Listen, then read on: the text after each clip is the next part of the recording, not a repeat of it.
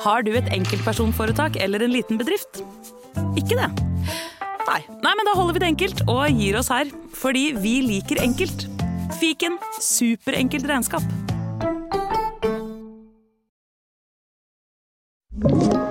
En podkast fra Podplay.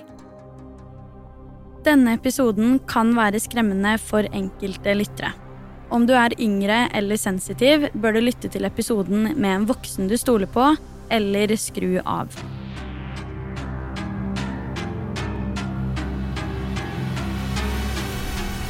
Hei og velkommen til en helt ny episode av Forsyningsfredag podcast. I denne episoden skal jeg ta for meg en sak som er ufattelig trist fra alle sider. Spesielt da det her er en sak som fant sted på julaften i 2013. Juletiden skal jo i utgangspunktet være en rolig og hyggelig tid der man skal bruke tid med de man er glad i, og det skal jo være en tid uten bekymringer og stress. Det var imidlertid ikke tilfellet for de involverte i denne saken, og det gir meg egentlig bare en enorm klump i magen av å tenke på det i det hele tatt. Denne episoden vil nok bli litt kortere enn vanlig, ettersom at det ikke er like mye informasjon å finne der ute om akkurat den saken her. Men jeg ønsker likevel å snakke om den i podkasten, så jeg håper at du vil synes den er interessant likevel. Dette er saken om drapet på julaften. På julaften i 2013 var Asbjørn Marelius Hansen på besøk hos datteren sin og hennes kjæreste eller samboer. De to bodde da på Tromsøya i Tromsø. Kjæresten til datteren hadde tidligere bodd på en institusjon for rusavhengige, men hadde nylig fått flytte derfra og valgte derfor å flytte inn sammen med kjæresten sin med en gang. Asbjørn var da på besøk her ganske tidlig på morgenen på julaften, og det syns veldig godt i politiets telefonhistorikk. Den første telefonen fra denne adressa kom nemlig 0749 på morgenen, og den neste 0818. Den siste telefonen får politiet kort tid etter dette igjen, klokka 08.33 på morgenen. Og denne gangen blir faktisk politiet varsla av AMK, altså da Akuttmedisinsk kommunikasjonssentral. Det er først nå politiet anser det som helt nødvendig å rykke ut umiddelbart. Det er helt åpenbart at det er noe som ikke er som det skal. Politiet rykker ut så fort som overhodet mulig, og like etter klokka halv ti den samme morgenen kan politiet varsle om at 66 år gamle Asbjørn er funnet død i boligen til sin egen datter.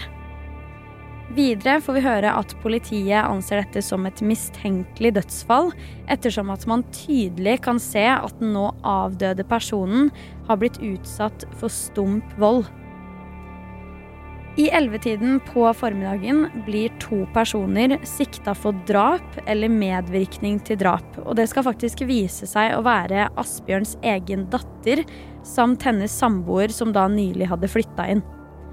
Til NRK sier kriminalavdelingssjefen i Troms politidistrikt følgende. Politiet har iverksatt en drapsetterforskning på bakgrunn av at en person i 60-årene ble funnet død i en leilighet på Tromsøya i dag tidlig. Vi fikk melding fra AMK klokka 08.33 og rykket så ut til stedet.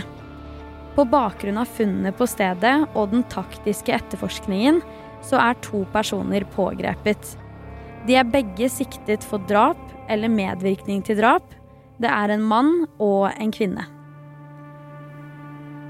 Politiet går nå i gang med den innledende fasen av etterforskningen, og det første de gjør da, er å ta en rundspørring i nabolaget for å høre om folk har sett eller hørt noe, og om de kanskje har noen kjennskap til personene i boligen eller lignende.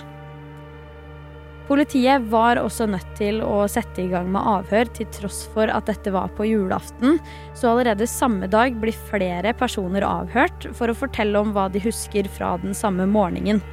Det her har vi jo snakka om i flere andre saker, at folks minne gradvis blir mindre og etter hvert kanskje også endres etter hvert som tiden går. Så det er veldig viktig å få all informasjon man kan helt i begynnelsen av etterforskningen. Det er jo heller aldri noe gunstig tidspunkt for noe sånt som dette til å skje, men fordi dette her skjedde midt i jula og på selveste julaften, så var det noen aspekter som var litt ekstra vanskelig å finne ut av på dette tidspunktet, enn det kanskje ville vært på andre tidspunkter i løpet av året. Eksempel så ønsket jo også politiet å føre advokater til de to siktede personene, men fordi de ble pågrepet på julaften, så ble det en vanskelig kabal å få til å gå opp. Det er også verdt å nevne at allerede i de første kommentarene politiet kom med, så kom det frem at de hadde kjennskap til begge de to siktede fra før av, fra tidligere politisaker. Politiet ønska imidlertid ikke å gå inn på hva dette dreide seg om, eller i hvilken sammenheng de hadde kjennskap til personene. Det skal også sies at naboer på Tromsøya faktisk hadde levert inn en rekke bekymringsmeldinger til både kommunen og politiet. En nabo forteller følgende. Vi har bare gått og venta på at noe jævlig måtte skje. I store perioder har alle naboene mista nattesøvnen. Det burde ha vært gjort noe for lenge siden. Vi har ringt kommunen og politiet mange ganger. Det er ikke alle gangene de er interesserte i å komme. Rundt klokka fem på ettermiddagen på julaften kommer politiet med enda en ny pressemelding, hvor de forteller at de to siktede nå sitter i politiets varetekt inntil videre.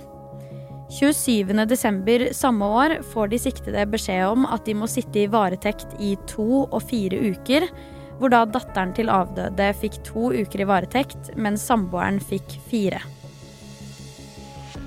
Dette falt ikke i god jord hos datteren, ettersom hun mente helt fra starten av at hun var uskyldig, og erkjente heller ikke straffskyld så dermed så begjærte hun seg løslatt, og det samme gjorde samboeren hennes kort tid etterpå. Etter dette ønsker politiet seg en psykiatrisk vurdering av begge de to siktede, rett og slett for å finne ut om de er strafferettslig tilregnelige i det hele tatt. I avhør allerede i januar 2014 har samboeren til avdødes datter innrømmet at han tok livet av svigerfaren sin på julaften noen uker tidligere. Forsvareren til samboeren forklarer følgende. Han har gitt en uforbeholden forklaring til politiet.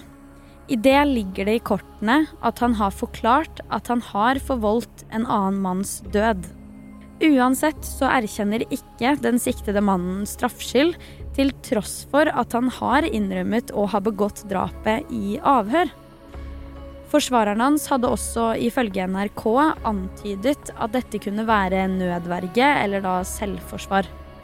Ikke bare kunne det være selvforsvar, men forsvareren forklarer også at det fint kunne være tilfelle at hans klient var utilregnelig i gjerningsøyeblikket.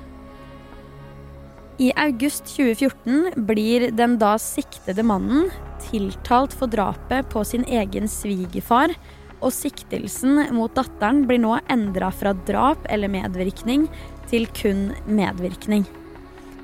I tiltalen mot mannen står det at 66-åringen ble drept med flere slag mot hodet.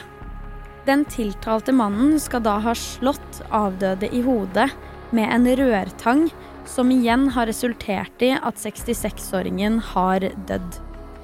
På bakgrunn av usikkerheten rundt hvorvidt tiltalte er strafferettslig tilregnelig eller ikke, så er det det som blir hovedfokuset for rettssaken, som finner sted i november 2014.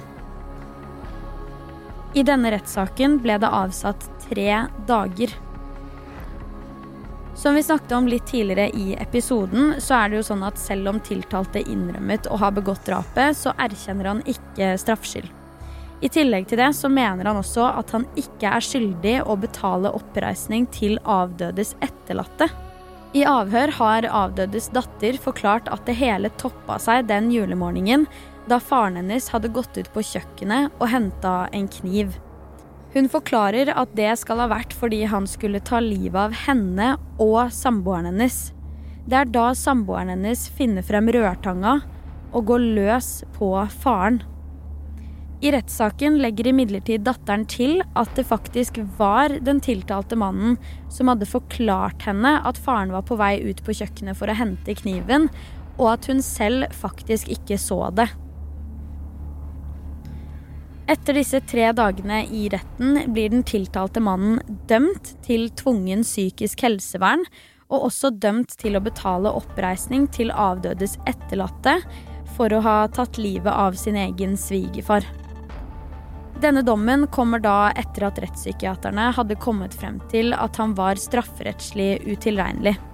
Det vil da si at rettspsykiaterne mente at han var i en psykose i gjerningsøyeblikket, og derfor kan han ikke dømmes til fengsel i henhold til straffelovens bestemmelser.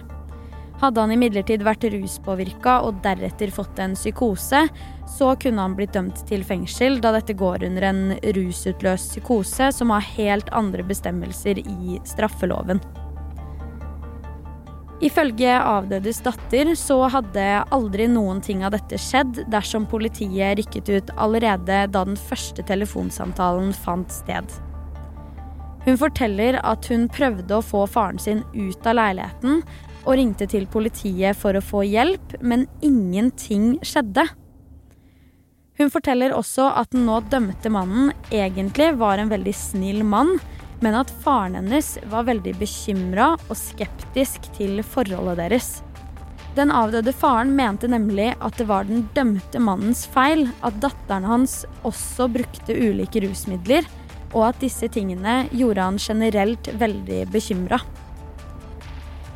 Dette med at politiet kunne ha rykka ut tidligere, gjorde faktisk at de fikk en sak på seg, hvor det ble vurdert om politiet kunne ha vært en medvirkende årsak til at dette skjedde, rett og slett fordi de fikk beskjed om at noe kom til å skje, men valgte å ikke rykke ut. Saken ble imidlertid henlagt etter å ha gått gjennom opptakene fra telefonsamtalene. Det var visst ingenting i disse som tilsa at et drap kom til å skje, så dermed kunne ikke politiet være medvirkende. I februar 2018, i overkant av tre år etter at kjæresten til avdødes datter ble dømt, så ønsket han å bli løslatt fra tvungen psykisk helsevern. Dette har han da sagt til NRK. Det går mye bedre med meg i dag, og det er faktisk lettere for meg å søke hjelp dersom jeg er ansvarlig for dette selv.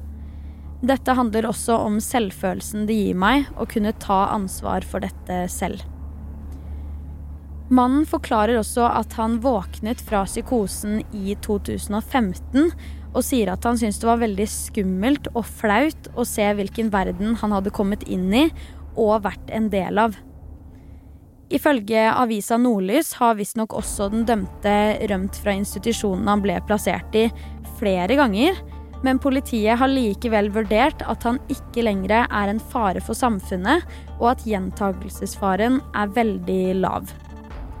Hvordan det gikk i tiden etterpå, har jeg ikke klart å finne noe særlig informasjon om, men det er i hvert fall veldig positivt å høre at politiet vurderte situasjonen dit hen. Dette er jo en sak som er ufattelig trist fra alle sider og for alle parter, da det åpenbart er en person som er eller var veldig syk, og en person som ble drept som følge av det. Dette er en sak jeg også har tatt for meg på YouTube før, rett og slett fordi det er så viktig å snakke om psykisk helse, både i mindre skala og også i så store tilfeller som dette. Heldigvis ble riktig mann tatt, og han fikk den hjelpen han trengte. Og familien til den avdøde fikk også alle svar på hva som skjedde med faren. Du har hørt Forsvinningsfredag podkast med meg, Sara Høydahl. I desember så kommer det jo to episoder i uka, og jeg er kjempespent på å dele alle disse sakene med deg der hjemme. Så husk å abonnere på podkasten akkurat der du lytter, for å få med deg hver eneste episode. Jeg er tilbake med en ny episode allerede på tirsdag, og i mellomtiden, ta vare på deg selv.